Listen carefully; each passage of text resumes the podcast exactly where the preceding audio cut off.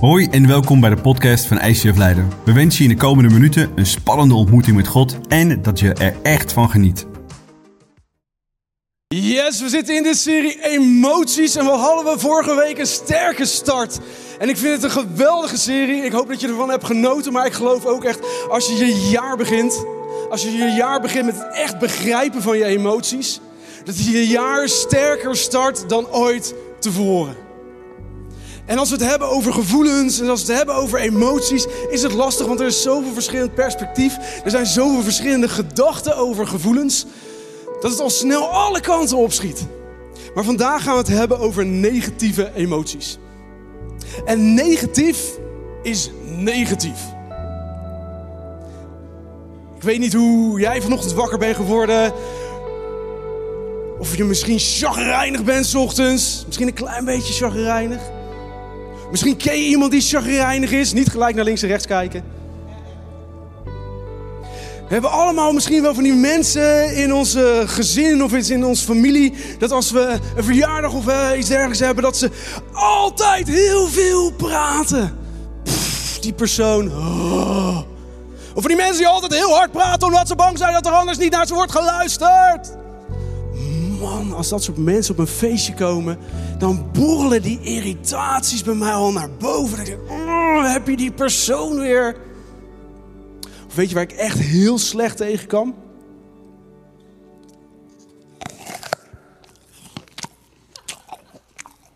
Mensen die een appel eten.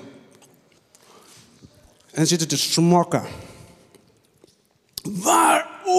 Weet je, get a room. Ga het ergens anders doen. Maar niet naast mij. Op het moment dat er iemand dat doet, komen er zoveel negatieve emoties en gevoelens die bollen dan al bij mij naar boven. En als we kijken naar afgelopen jaar, waren er veel gevoelens en emoties die alle kanten opschoten. We begonnen vorig jaar al met de oorlog in Oekraïne. En het begon en mensen schoten totaal in paniek. We begonnen te hamsteren en te doen, blikken bonen, pakken water die we nog steeds in de kelder hebben staan. En geef ze ongelijk, want in een paar uurtjes vliegen zit je er al. En al snel werd de aandacht getrokken naar onze portemonnee, want de gasprijs die schoten omhoog. En in de zomer was dat niet zo erg, maar van de winter was dat wel anders. En ik zag op mijn socials al mijn eerste collega's in de stories voorbij komen met handschoenen aan en een muts. Omdat ze bang waren dat anders de rekeningen te hoog waren. En niet heel veel later schoot de prijs in de supermarkt omhoog en we hadden gigantische inflatie. En mensen begonnen zich zorgen te maken, kan ik mijn eten nog wel kopen? Kan ik nog wel voor mijn kinderen zorgen? Kan ik nog wel de dingen blijven doen die ik graag wil doen? En zorgen op zorgen, op zorgen, op zorgen, op emoties, op gevoelens, op emoties, op gevoelens. Als dat gebeurt, wat doe je dan? Wat pak je dan aan? Als de emoties je eigenlijk alle kanten opschieten. Er zijn drie manieren, drie verkeerde manieren hoe je met die emoties om kan gaan. En allereerst is je emoties najagen. Die emoties die je had voordat het allemaal gebeurde.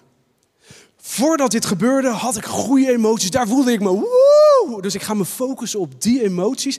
Daar hou ik aan vast zo hard als dat ik kan.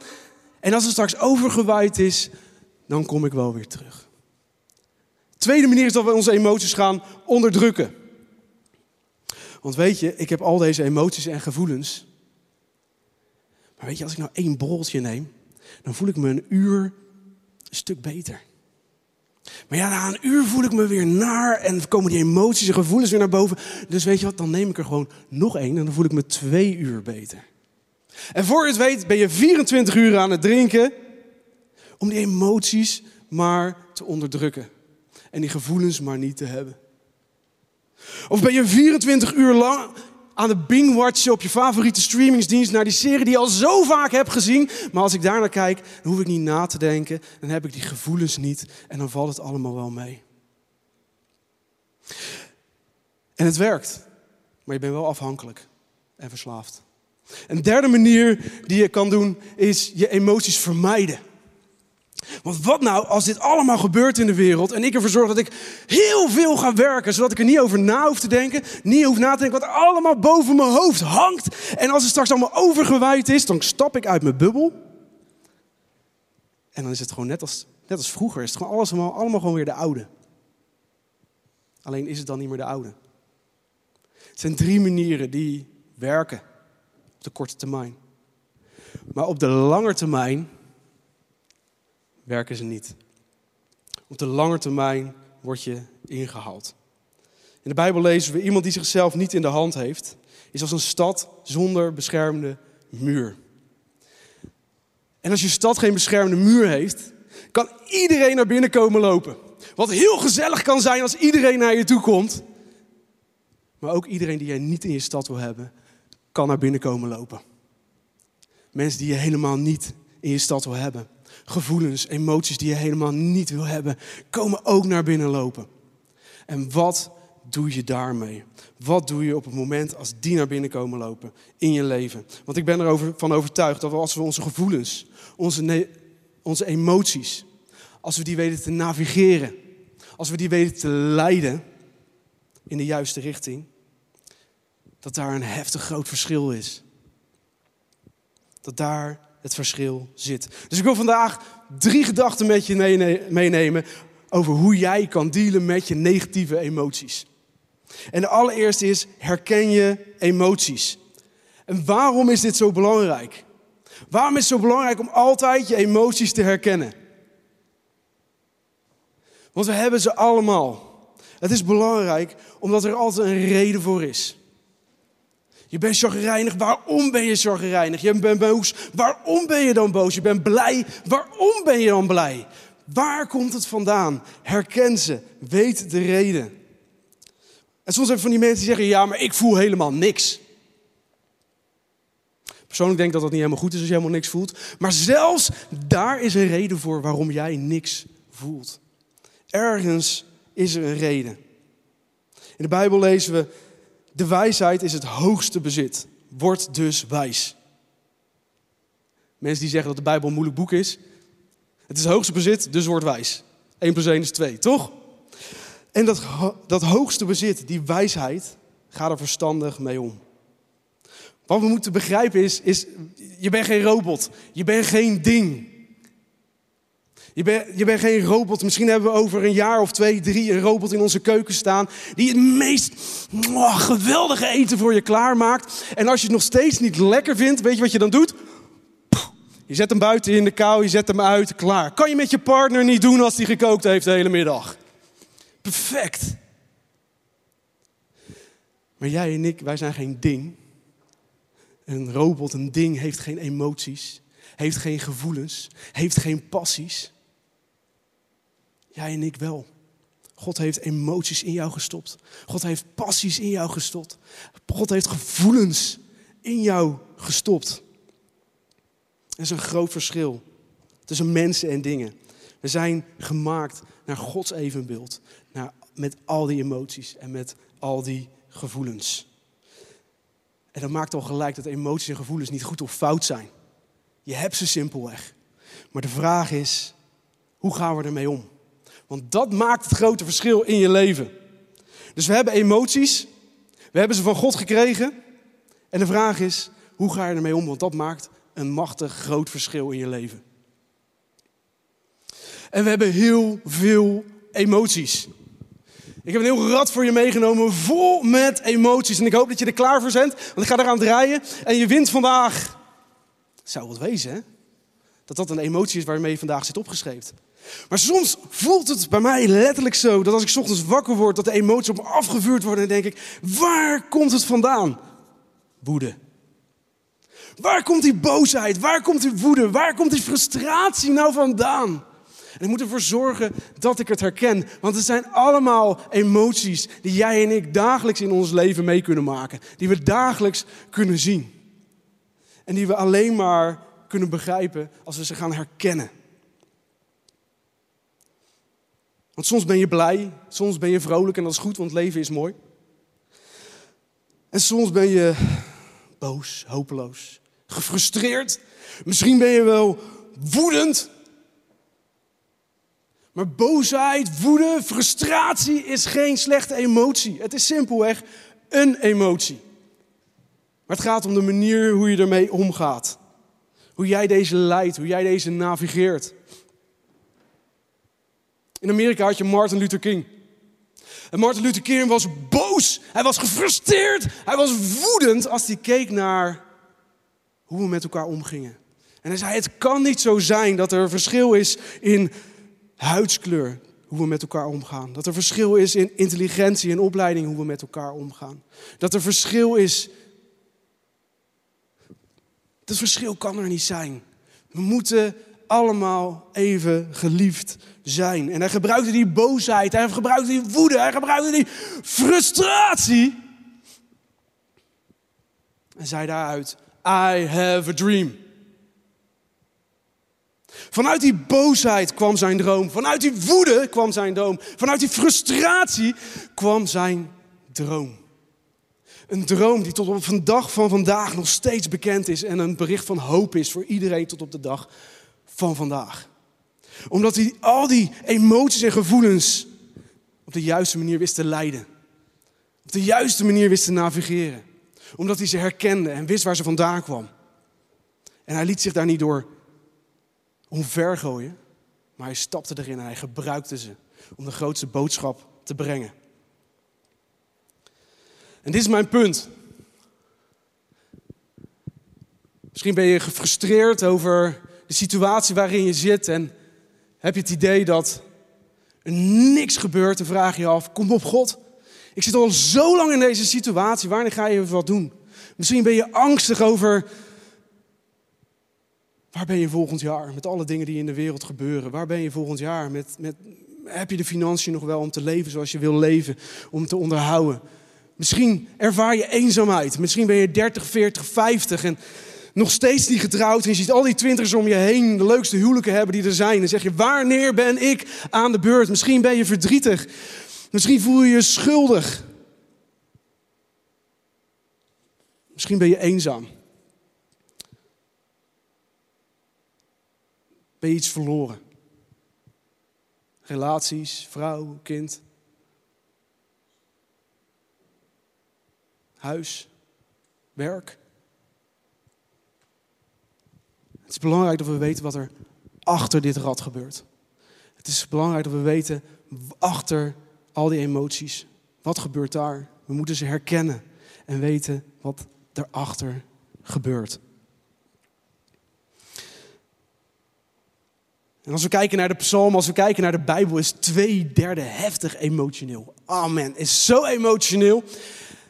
Oeh. Misschien ben jij zo'n lekkere, nuchtere Hollander, down to earth, weet je. Laat maar komen, maar ik laat me niet omvergooien. Als we de Bijbel lezen, die is dat niet. De Bijbel is heftig emotioneel. En dat betekent dat we een emotionele God dienen die continu de emoties eruit gooit als we zijn Bijbel lezen. We lezen in de Bijbel over dankbaarheid. We lezen in de Bijbel angst, rouw, duisternis. Over overweldigd zijn. Over God aan je zijde hebben. Over schreeuwen om hulp. Je schreeuwt niet om hulp als je nuchter bent. Je schreeuwt om hulp als de emoties alle kanten op schieten. Het gaat over troost, schuldgevoel, vreugde, eenzaamheid, ziekte, vertrouwen, veiligheid, liefde, vreugde over de schepping, hoop, woede, worship, aanbidding, vergeving, pijn in je lijden, haat. De Bijbel is zo emotioneel. En daarin kunnen we zien dat we een emotionele God dienen. En dat emoties van God komen. En dat ze niet in de eerste plaats negatief fout zijn. Emoties zijn niet goed of fout. Het gaat erom hoe leiden we ze, hoe navigeren we ze. En daarvoor moeten we ze als allereerste keer moeten we ze herkennen. En als tweede, als je emoties herkent, moeten we ze gaan begrijpen. Want als we onze emoties begrijpen, kunnen we ze gaan beïnvloeden. En dan wordt het pas echt leuk. In de Bijbel lezen we, hij zal sterven omdat hij waarschuwing en wijsheid afwees. En rondwalen in de doolhof van zijn dwaasheid. Emoties zijn niet cool. En soms zijn ze wel cool. Maar soms word ik ochtends wakker.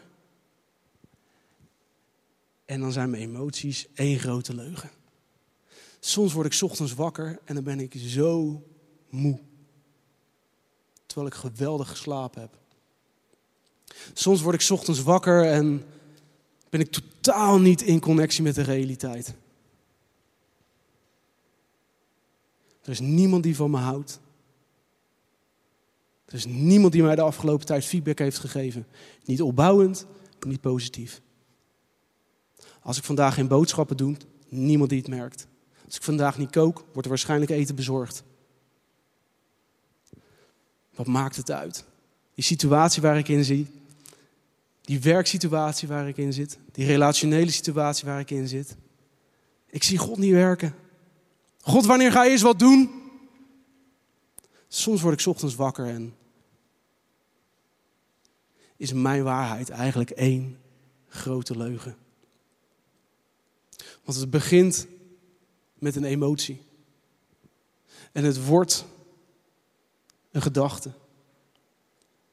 En die gedachte wordt mijn waarheid. Dat is wat ik erover denk. Dus dat is mijn waarheid. En voor het weet ga je er naar leven. Misschien ben je in een groot gezin opgegroeid. Ik had zelfs, kom ik uit een gezin van vijf kinderen. En weet je, mijn ouders houden veel meer van mijn broer dan van mij. En als ik er nu eigenlijk over nadenk, hij kreeg ook altijd grotere cadeaus voor zijn verjaardag. Dus mijn ouders houden veel meer van hem dan van, haar, dan van mij. Dat is mijn waarheid. En dat is mijn waarheid. En ik ga nu uit huis. Ook al ben ik pas 15. Ze zoeken het maar uit. Ze houden toch niet van me. En als ik eindelijk eens een keer een jaar of 40 ben en ik heb de guts om naar ze toe te gaan, mijn ouders. En ik zeg tegen ze, moet je luisteren. Je hebt altijd meer van hem gehouden dan van mij. Zullen ze tegen me zeggen, moet je luisteren. We houden van jullie allemaal evenveel. Maar mijn gevoel werd een gedachte en mijn gedachte werd mijn waarheid en ik ben naar mijn waarheid gaan leven. En het haalde alles onderuit. Je eigen waarheid is vaak de grootste leugen die er is. En de Bijbel zegt, de waarheid van God zet je vrij. Het is Gods waarheid die me vrijzet. Het is niet mijn waarheid die me vrijzet, het is Gods waarheid die mij vrijzet. En dat maakt het verschil. Soms zie ik de meest gezonde mensen rondlopen. Echt van die health freaks die de hele dag alleen maar sla eten en naar de sportschool gaan. Daar word ik heel jaloers op als ik dat soort mensen zie. Met een sixpack en alles erop en eraan. En dan denk ik, oh, maar waarom kijk je zo chagrijnig? Kom op, je kan de meest gelukkige mens zijn die er is. Je woont in de meest gelukkige land. We staan in de top 5 van de meest gelukkige landen ter wereld. Waarom kijk je zo chagrijnig? Helpt het als je dat tegen iemand zegt? Een ander voorbeeld, als je angstig bent of als je nerveus bent, dan zeggen mensen tegen je: joh, je moet niet bang zijn, weet je, je moet een beetje meer dapper zijn, dat moet je doen. Helpt dat als iemand dat tegen je zegt? Dat helpt niet. Want achter die angst, achter dat gevoel, zit een nood. Achter dat gevoel zit een behoefte. En wat we moeten doen is dat gevoel oppakken en boven op die behoefte te bouwen. Boven op die nood te bouwen. Zodat we het niet alleen herkennen, maar zodat we ook echt begrijpen waar mijn gevoel vandaan komt. Want dat zal totaal mijn gedachten veranderen. En daarmee zal het ook mijn waarheid veranderen. Dit is een belangrijke prop. Dit is een belangrijke piramide. Zorg ervoor dat je hem ziet Zorg ervoor dat je hem onthoudt. Zorg ervoor dat je hem niet vergeet. Want jouw gevoel is een luide kreet binnenin jou die zegt: Ik heb ergens behoefte aan. Luister. We moeten dat begrijpen, zodat we het kunnen beïnvloeden. Achter elk gevoel zit een nood. Dus we hebben emoties en we moeten ervoor zorgen dat we die herkennen. We moeten ervoor zorgen dat we ze gaan begrijpen dat we weten welke behoefte en welke nood er achter al die emoties en gevoelens plaatsvindt. En dan komt mijn laatste punt vandaag. Die behoeften, die zijn nooit in conflict met elkaar. Die behoeften zijn nooit in conflict met elkaar. Wat er met elkaar in conflict is, zijn onze strategieën. Hoe we ermee omgaan. Hoe we het aanpakken. Dat is wat er met elkaar in conflict is. En als we onze behoeften duidelijk en helder willen hebben, als we daar een duidelijk en heldere strategie voor willen hebben, dan moeten we daarin stappen. We moeten dat begrijpen. We moeten in die strategie stappen en we moeten die gebruiken, toepassen. We hebben emoties. Dat is nu wel duidelijk, toch? Na twee topics is nu wel duidelijk dat we emoties hebben. Zelfs als je niks voelt, heb je emoties. En de behoefte die eraan hangt, is dat we een goddelijke waarheid nodig hebben. We hebben de waarheid nodig. wat is een goddelijke waarheid? Wat bedoel ik daarmee? Als je nerveus bent en je maakt je zorgen, dan ligt de behoefte veel dieper. Dan is je behoefte, ik heb veiligheid nodig. Ik heb verbinding nodig in mijn leven. Dat is de behoefte die erachter ligt. En het probleem is dat als we gaan zoeken naar die veiligheid, naar die verbinding in, in een persoon, in een leider, in een sterke leider, dan zal die nooit 100% gaan voldoen aan jouw verwachtingen. Want het is en het blijft een mens. En als je denkt, wanneer je getrouwd bent, nou dan ben ik er wel, want dan heb ik die persoon die alles voor me is, dan heb ik geen problemen meer. Forget it, dan beginnen de problemen pas. Ik hou van je. Maar dan begint de pas. Emoties hebben een behoefte. En hier komt geloof om de hoek kijken. Bij die behoefte. Want wat ik geloof met heel mijn hart is dat God in de positie staat om jou alle vreugde te geven. Om jou alle vrijheid te geven. Om jou alle verbinding te geven die je nodig hebt. Op ieder gebied in je leven. Niet alleen op die ene situatie waar je denkt dat je het nodig hebt maar op ieder gebied in je leven. Op je werk, op je geloof, op je relaties, op je resources, op je gezondheid. Hij heeft het voor jou in huis en hij wacht op je. En het is belangrijk om dat beeld voor ogen te hebben. Om dat voor je te zien. Om te zien wat God voor je klaar heeft liggen. Met een beeld, met een woord, met een Bijbeltekst. Waar je continu aan kan blijven herinneren. En daarom gebruiken we zoveel props. Niet omdat we zo graag een fancy kerk willen zijn in deze tijd. Maar simpelweg omdat we ervoor willen zorgen dat het beeld blijft hangen. Dat je het niet vergeet. En Jezus deed niet anders. Jezus sprak continu in beelden. Jezus sprak continu in gelijkenissen. En waarom deed hij dat? Elke keer benaderde hij hetzelfde topic weer met een nieuwe gelijkenis, met een nieuw beeld. Waardoor je het verhaal elke keer weer vanaf een andere kant te horen kreeg. En dat je uiteindelijk niks anders kon dan, en nu heb je me. Dus dat wilde je zeggen. We hebben gelijkenissen nodig. We hebben beelden nodig. We zijn creatieve wezens. En dit maakt zo'n groot verschil in ons leven. In de Bijbel lezen we, de koning van Israël, de Heere, is bij u. U hoeft nergens bang voor te zijn. Als ik bang ben, als ik nu veiligheid nodig heb, dan is God die zegt, ik ben je anker. Als ik veiligheid nodig heb, als ik bang ben, mag ik dat uitspreken, mag ik dat proclameren over mijn leven.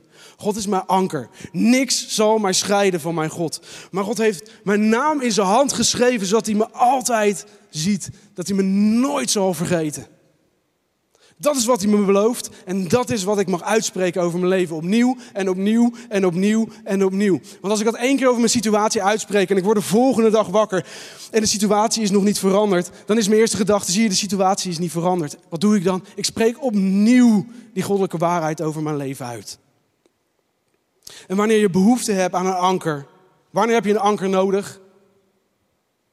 Als de storm dreigt, dan heb je een anker nodig.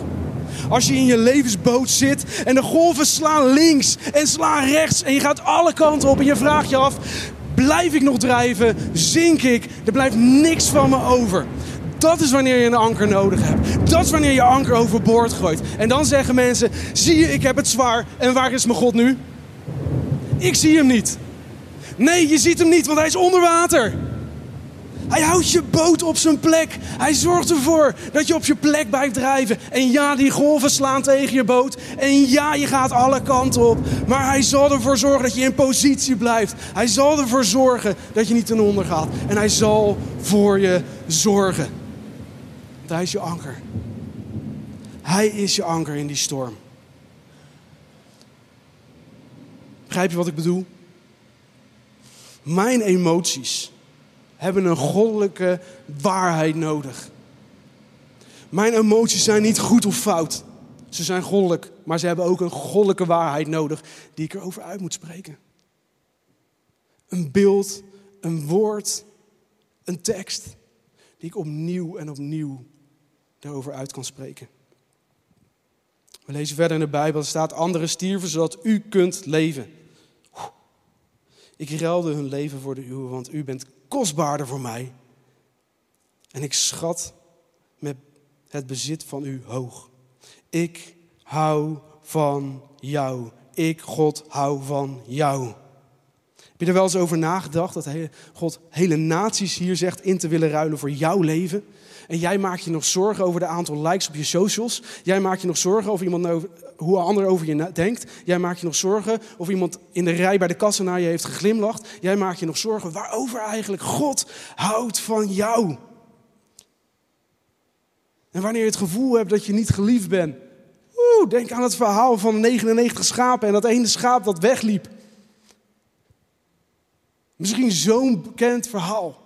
Maar als zou je het aan een bankier of een accountant of iedereen die een beetje kan rekenen, zou je het verhaal aan hem of haar vertellen, dan zegt hij: Jezus, oeh, je bent helemaal gek geworden.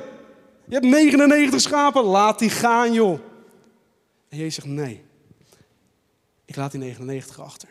En ik ga achter dat ene schaap aan. Zodat hij uiteindelijk, als ik hem gevonden heb, maar een beetje gaat begrijpen maar een beetje gaat begrijpen hoe intens veel ik van hem of haar hou.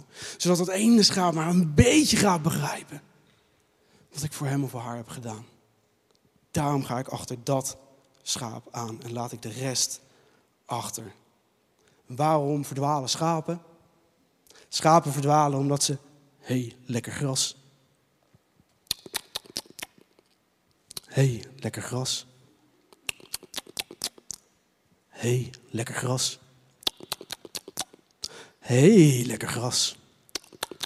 En aan het einde van de dag, hey, waar is de rest?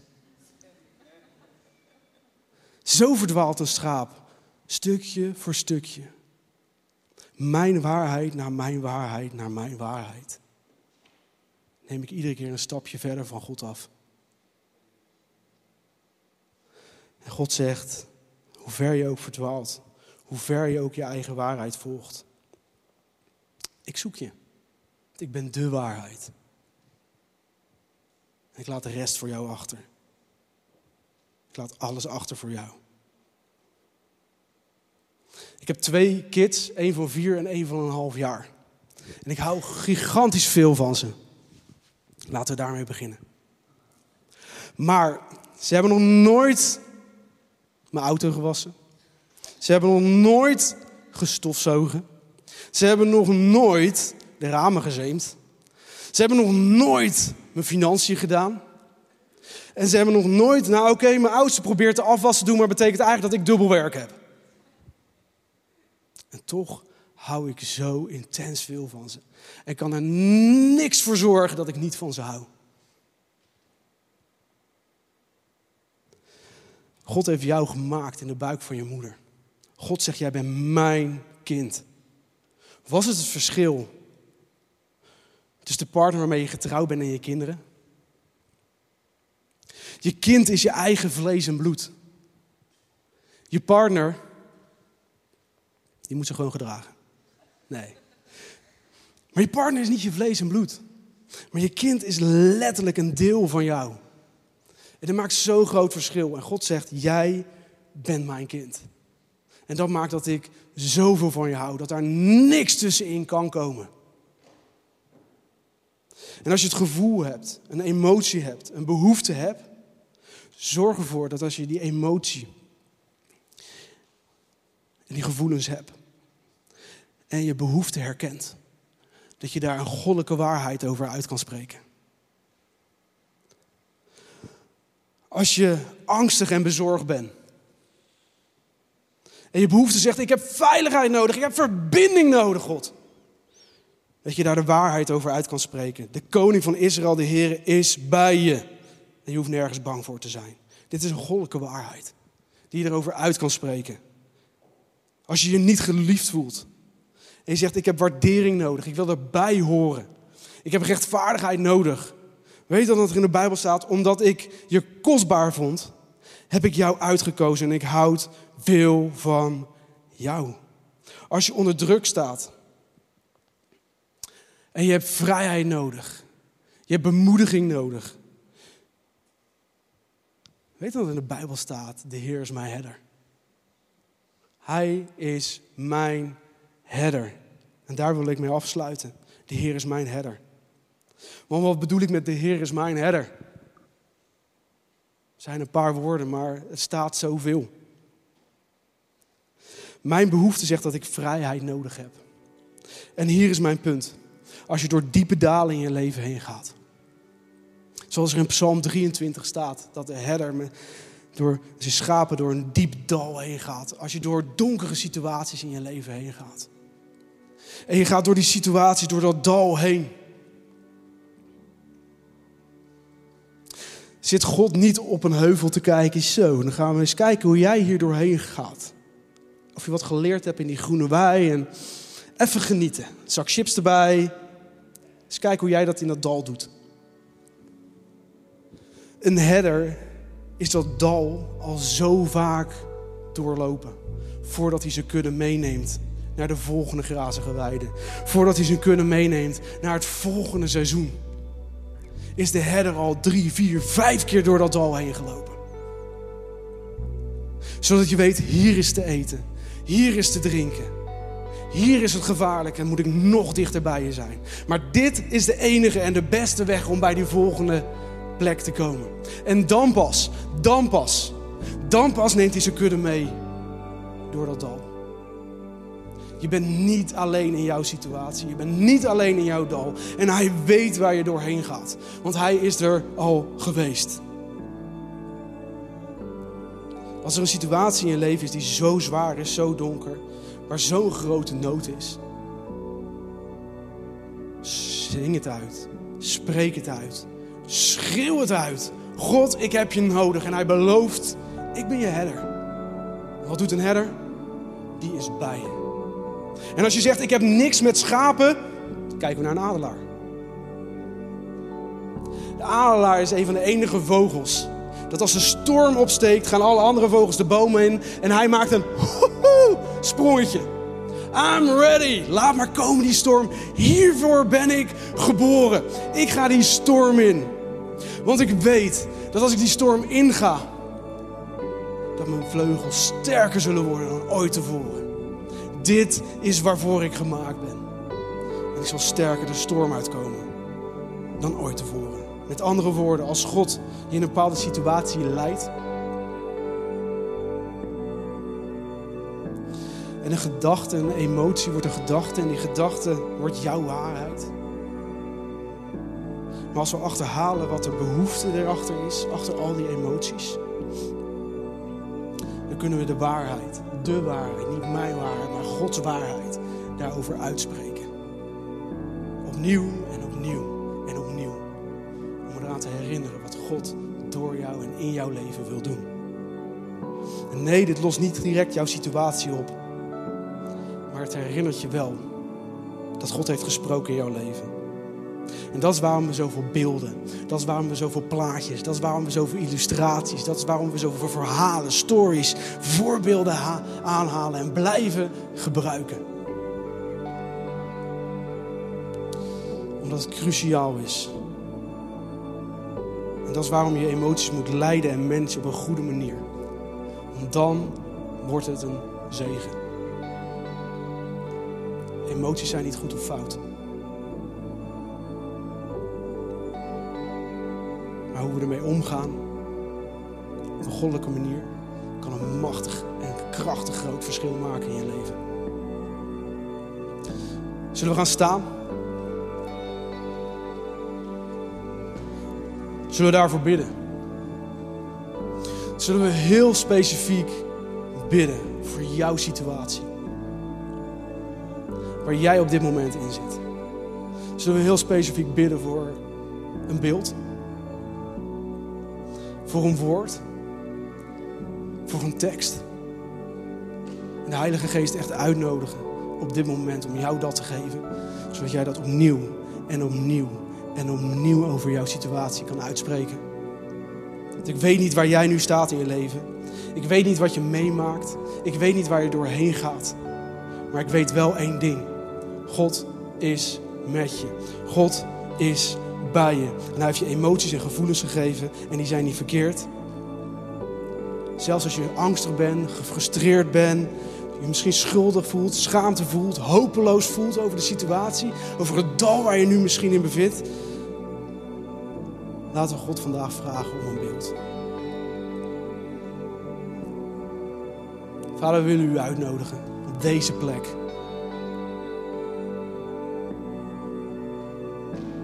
En willen u danken voor alle emoties die u heeft gegeven.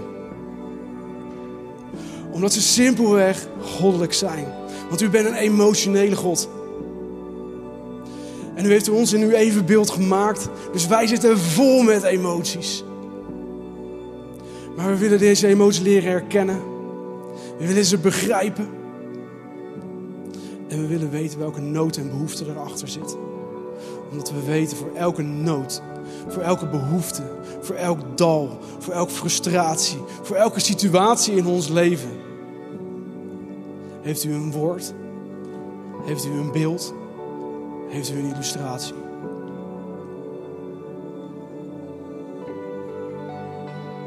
Heilige Geest wil u op dit moment uitnodigen om dat te ervaren, om dat te zien, om dat mee te maken.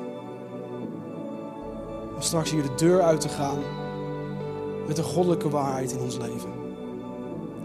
Met een goddelijk beeld in ons leven. Waar we onszelf iedere dag opnieuw en opnieuw en opnieuw en opnieuw en opnieuw aan kunnen herinneren. Zodat we weten wat u gaat doen in ons leven. Wat u gaat doen in mijn leven.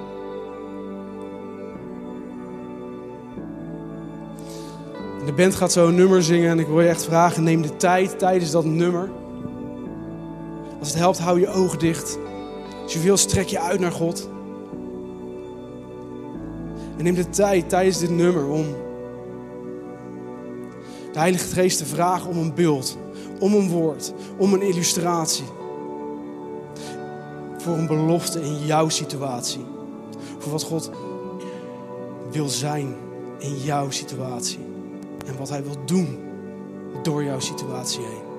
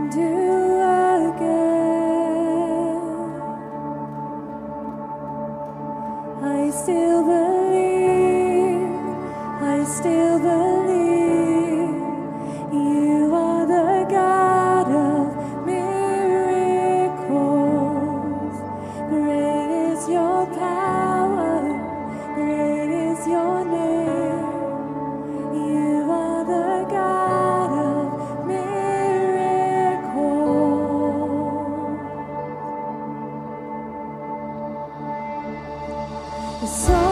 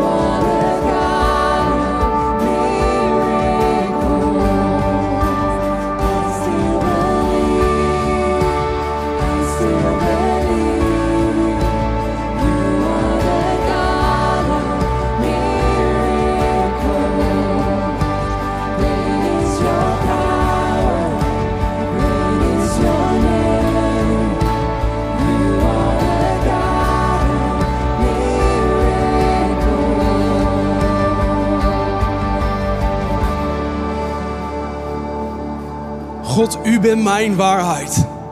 God, u bent de waarheid. God, u bent een God van wonderen. U bent een genezende God, welke situatie we ook in zitten. U bent een God die mijn situatie kan en wil transformeren. U bent een God die op dit moment een verandering wil brengen in mijn leven. Vader, en ik bid op mijn knieën dat uw Heilige Geest de juiste mensen op dit moment een woord, een beeld, een illustratie zal geven. Die hun leven ondersteboven zal zetten. Die hun leven totaal zal veranderen. Want u bent een God van wonderen. En u bent een God die ik wil dienen van dag op dag op dag op dag. Want u bent een God die alles heeft gegeven. U bent een God die alles achter heeft gelaten. Omdat ik de ene schaap ben die mijn eigen waarheid wilde volgen en volgen en volgen. Maar er is maar één waarheid. En dat bent u.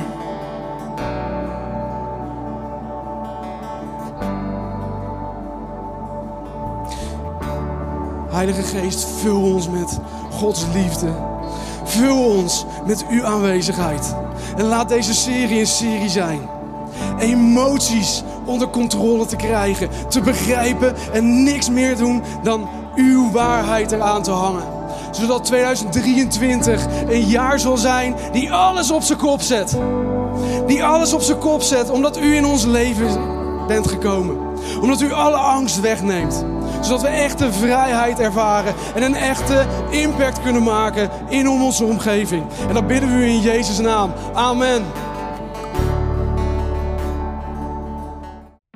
Wij hopen dat deze podcast je heeft geïnspireerd en verder geholpen heeft in je relatie met God. Wanneer deze podcast je geraakt heeft en je de inhoud ervan wilt helpen verspreiden, deel dan deze aflevering op jouw favoriete social media platform. Op deze manier horen meer mensen over Jezus en deze boodschap van hoop.